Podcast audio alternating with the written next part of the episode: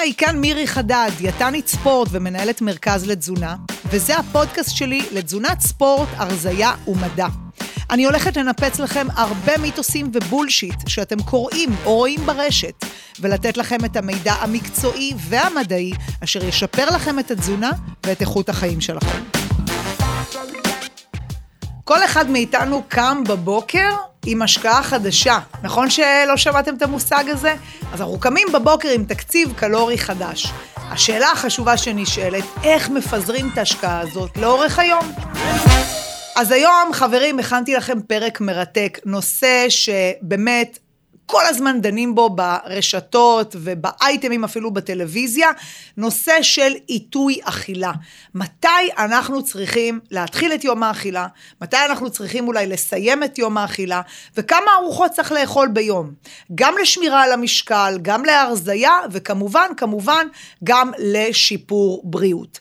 אז אה, לפני שככה נצלול, אני רוצה לומר שיש כמה דברים שאנחנו יודעים שהיום הם נחשבים כמיתוס.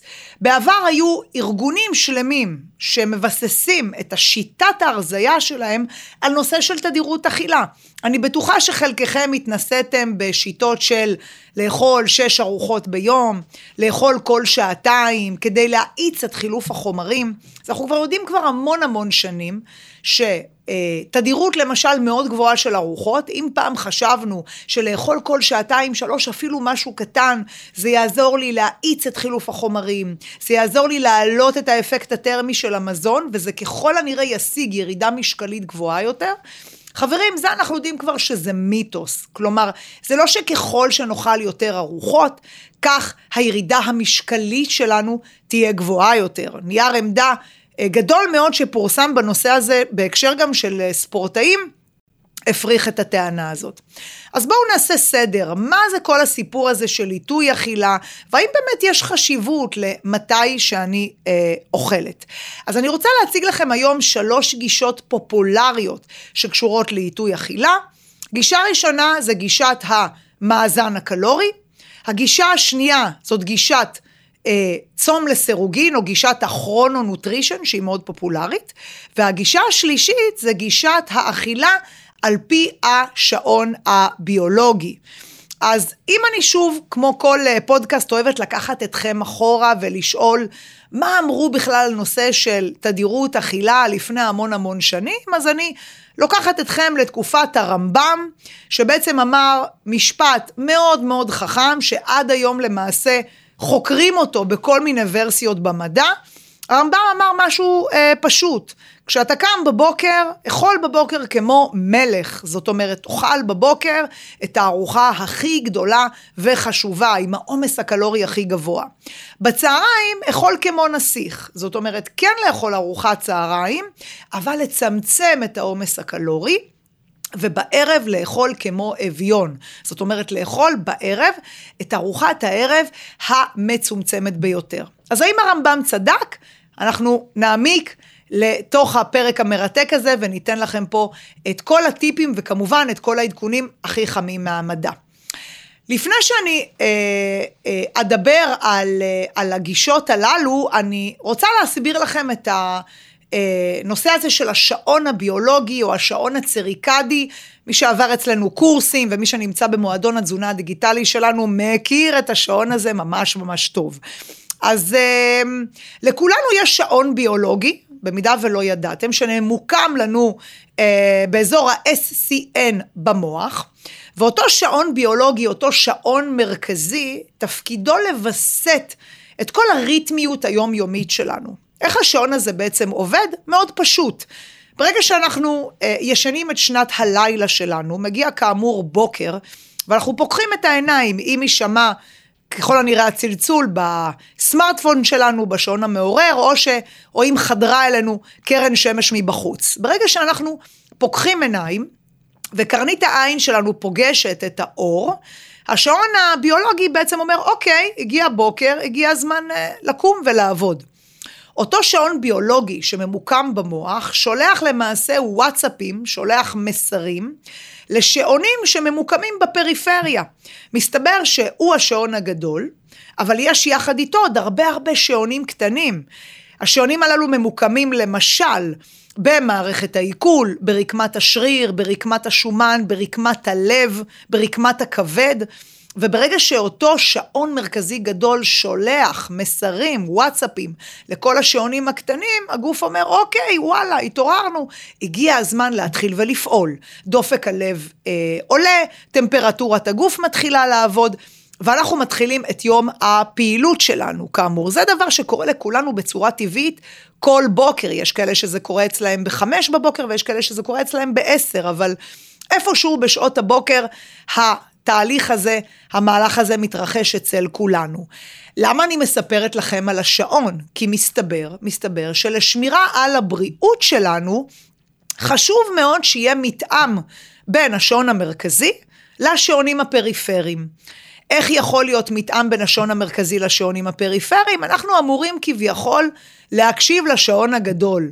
והשעון הגדול אומר, התעוררנו בבוקר, זה הזמן לתפקוד קוגניטיבי גבוה, זה הזמן לכל הפעילויות הגדולות שאנחנו עושים, אם זה אימוני כושר, אם זה עבודה, אם זה למידה, וככל הנראה גם אכילה. שעות היממה או שעות האור צריכות להיות מוקדשות לכל הפעילויות הגופניות והמנטליות הגדולות שאנחנו עושים.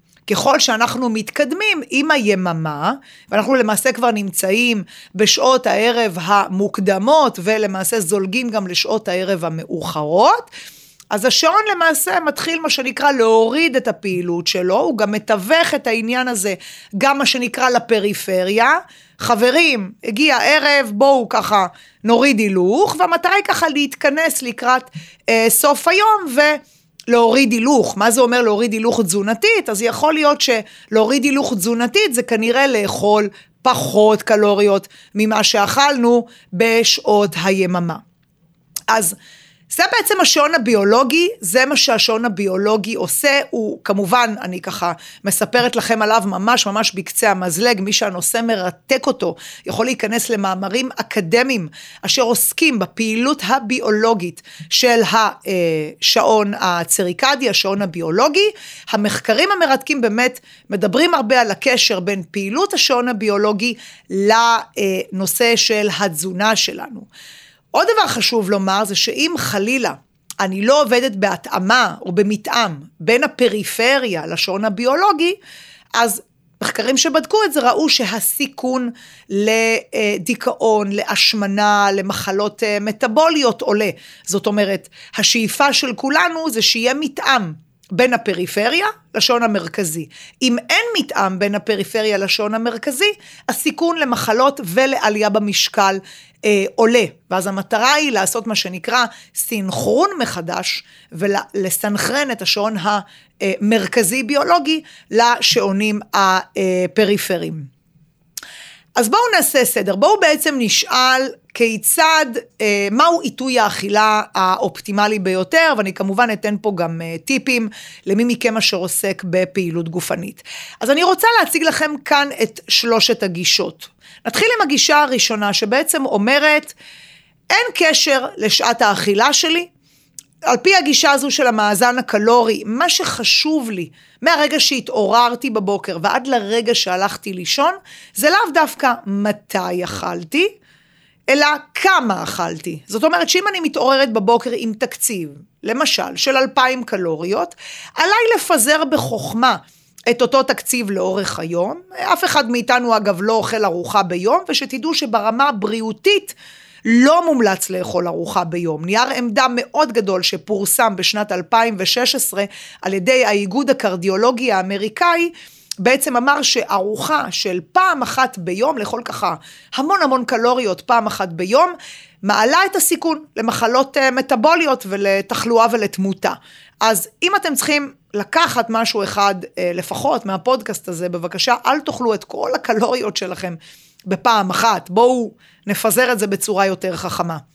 אז על פי הגישה של המאזן הקלורי, המטרה שלנו היא להבין כמה קלוריות אנחנו צריכים לאכול ביום, ומכאן לפזר את כמות הקלוריות. זה יכול להתפרס על פני אה, שלוש ארוחות, שתיים וחצי, ארבע, חמש וחצי, זה נורא נורא תלוי, כי ככל שהתפריט הקלורי שלכם יכיל יותר קלוריות, כך למעשה ככל הנראה כמות הארוחות שלכם תהיה אה, יותר גדולה. מה שחשוב בתיאוריה הזאת של המאזן הקלורי זה לא דווקא רק מתי אני אוכלת, אלא כמה אני אוכלת. בתיאוריה הזו, גם אם אני אוכלת למשל ארוחה בשמונה בערב, היא יחסית ארוחה בעומס קלורי גבוה, בואו ניקח 800 קלוריות, אוקיי? כל עוד ואכלתי את כמות הקלוריות שאני צריכה לאכול, אני בוודאי ובוודאי אשמור על משקל לאורך אה, זמן, לא אעלה את מסת השומן שלי בגוף, וכל עוד שצרכתי גם מזון איכותי, ברמה הבריאותית אני גם לא מעלה סיכון לתחלואה. אני חייבת להיות הוגנת ולהגיד שברמה המדעית התיאוריה הזו היא עם הבשר המדעי אה, המשמעותי ביותר. זאת אומרת, בסופו של דבר, אם אתם חוששים מעלייה במשקל, ואתם חוששים מכך שאתם אוכלים ארוחות ערב יותר גדולות, כל עוד וברמה האנרגטית אתם במאזן אנרגטי מאוזן. והתזונה שלכם היא תזונה איכותית, אה, אז הסיכון כאן לתחלואה ולעלייה במשקל הוא באמת אה, נמוך יותר. אבל שוב, כל עוד ואתם אכן נמצאים במאזן אנרגטי שהוא אה, תפור עבורכם. לא תראו עלייה משקלית ו... אה, סביר להניח שגם סיכון למחלות עבורכם יהיה יותר נמוך. אז זאת התיאוריה הראשונה. התיאוריה השנייה, שכן קשורה כמובן לשעון הביולוגי, והיא נקראת אה, התיאוריה של השעון הצריקדי, או אכילה על פי השעון הצריקדי, בעצם אומרת ש... אם אני רוצה גם לשמור על משקל וגם לשמור על בריאות, כדאי לטרגט, שימו לב, עומס קלורי גבוה בשעות היום, זאת אומרת, ללכת מה שנקרא בדיוק לפי הרמב"ם, לאכול כמות קלוריות גבוהה יחסית בשעות הבוקר, לצמצם, ככל שהיום שלי מתקדם, לצמצם יותר ויותר את הקלוריות, ולמעשה לסיים את היום בעומס קלורי יחסית נמוך. על פי התיאוריה הזאת, אכילה לילית היא אכילה אשר מתרחשת החל משבע בערב ואילך, והעומס הקלורי שלה יחסית הוא גבוה, 25 אחוז, 30 אחוז מהקלוריות בתפריט שלכם. אתן לכם דוגמה פרקטית, שוב, אם אתם אוכלים תפריט של 2,000 קלוריות, אז 25 אחוז מ-2,000 קלוריות זה 500 קלוריות, זה למשל אמ, חביתה משתי ביצים, עם סלט, עם גבינה, עם שתי פרוסות לחם, כזה, כן? זה 500 קלוריות. אז אם אנחנו הולכים על פי הרמב"ם ועל פי התיאוריה של השעון הצריקדי, עדיף את הארוחות העמוסות יותר בקלוריות, זאת אומרת 700-800 קלוריות לטרגט לשעות הבוקר, צהריים, אחר הצהריים, ואם אני כבר אוכלת את הארוחה האחרונה שלי לאורך היום ב-6, 7, 8 בערב, לטרגט כאן עומס קלורי יותר נמוך. החוקרים אגב שדנים בתיאוריה הזו ואף, ואף ממליצים עליה, יש כמה עבודות שאכן מראות שברגע שאני מטרגטת עומס קלורי אה, יותר גבוה לאורך היום, אז אני יכולה טיפה להשפיע לחיוב על ההוצאה הקלורית היומית שלי, ולהעלות מעט את ההוצאה הקלורית היומית. זה לא מאוד משמעותי, אבל זה כן נבדק בכמה אה, מחקרים. ודבר נוסף, יש עניין עם נושא של בקרת סוכר ואינסולין לאורך היום. אנחנו כן יודעים שברמה הפיזיולוגית, קצב ריקון הקיבה הינו מהיר יותר בשעות הבוקר בהשוואה לשעות הערב המאוחרות. שוב, מי שספציפית אה, בסיכון לסוכרת, סובל מערכי סוכר גבוהים בצום, בהחלט במקרה הזה שווה לשקול, שווה לשקול תרגות. של עומס קלורי, במיוחד של פחמימות, גבוה יותר בשעות היממה ושעות היום, ותרגות נמוך יותר בשעות הערב המאוחרות, כי אנחנו יודעים מכמה מחקרים שצריכה ספציפית מרובה של פחמימות בשעות הערב המאוחרות, מעלה את רמות הסוכר למשך זמן רב יותר בדם, וזה כשלעצמו עשוי אה, אה, להעלות את הסיכון לסוכרת ולהגירה אולי גם מוגברת יותר של שומן, כי בכל זאת, תחשבו רגע עלינו משעה שמונה, תשע, רובנו לא אה, מבצעים מאמץ גופני כלשהו בשעות הללו, אנחנו יותר בבית, מול טלוויזיה, אז הגירה, אה, הסיכוי באמת לניצול אה, של קלוריות והפיכתן לשומן יהיה גבוה יותר בשעות הללו, מאשר שבשמונה בבוקר, עשר, שתים עשרה, אני עוד זזה, אני עוד פעילה, אולי גם אני תופרת לי איזה אימון כושר באמצע, והסיכוי שלי כאן לאגור שומן יהיה ככל הנראה אולי יותר אה, נמוך. מה מחקרים אומרים על הנושא הזה? אז שוב, יש כמה עבודות שבהחלט דוגלות בשיטה הזו של אה, עומסים קלוריים יותר גבוהים אה, בשעות, אה, בשעות היום ועומס קלורי יותר נמוך בשעות הלילה. אה, אני חושבת שהשיטה הזו היא בהחלט שיטה טובה, אני חושבת שכן צריכה להיות התאמה אישית, זאת אומרת יש אנשים שבגלל אופי הפעילות שלהם, אוקיי? קחו את המאמנים ששומעים את הפודקאסט הזה, אנשים שדווקא כן בשעות הערב יותר פעילים. יכול להיות מאוד שעבורם אה, עומס אה, קלורי גבוה יותר בערב הוא בעצם כן קצת יותר נכון להם. כי שוב, הם יותר פעילים בשעות, אה, בשעות הערב, וכל עוד שהם שומרים על מאזן קלוריות אה, אה, ש, שנכון להם, והם אוכלים מזון איכותי, אין עם זה שום בעיה. עם זאת, יש אנשים שבגלל שגם ברמה התנהגותית הם יודעים שאין בעיה לאכול בשמונה, תשע בערב, כל עוד שהמאזן הקלורי טוב. עם זאת, בפועל, בפועל הם כן מגיעים למאזן קלוריות אה, חיובי. אה, ובסופו של דבר לעלייה במשקל. אם בכל זאת אתם אוכלים בערב, אני רוצה לתת לכם טיפ. אה, עדיף לא לצרוך פחמימות מה שנקרא מזוקקות, מה שאנחנו הכי הרבה אוהבים לאכול. זאת אומרת, אם כבר לאכול אה, בשעות הערב המאוחרות, אני מדברת על שמונה, תשע וצפונה, אז אה, ירקות וחלבונים. Uh, טיפ חשוב למי שכאן רוצה מאוד להעלות מסת שריר, לכל האקטומורפים מביניכם שרוצים מאוד להעלות מסת שריר ולא מצליחים.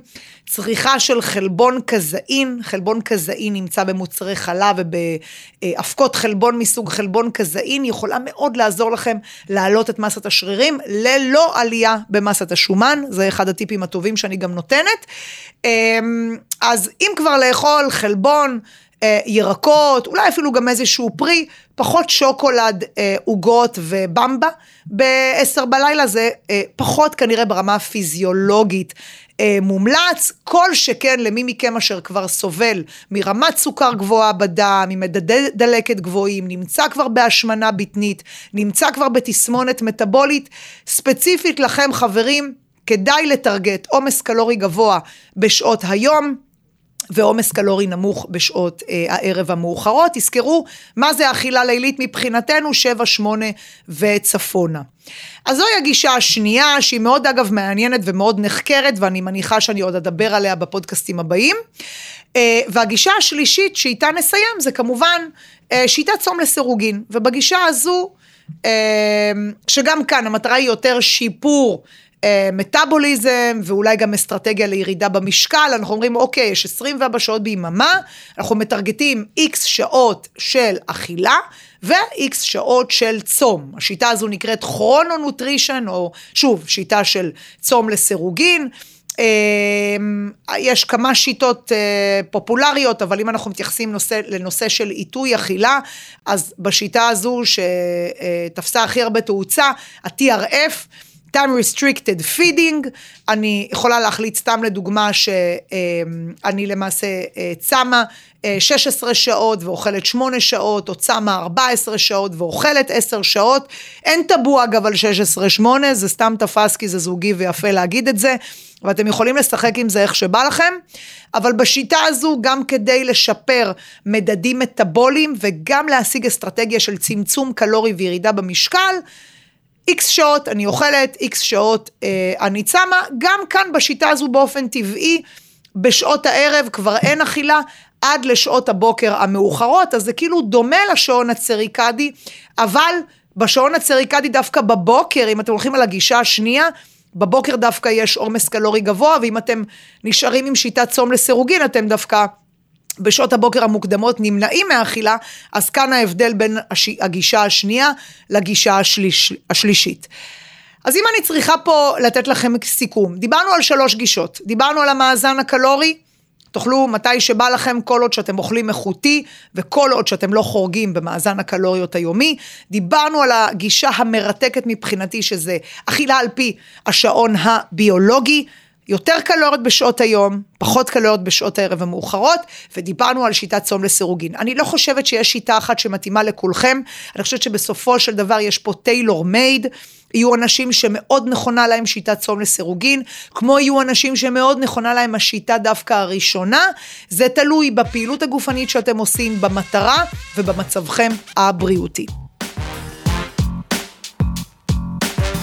כאן עוד פרק בפודקאסט על תזונת ספורט, הרזייה ומדע. אני הייתי מירי חדד, ובתיאור למטה תוכלו למצוא כישורים לכל הפלטפורמות בהם תוכלו לעקוב אחרינו.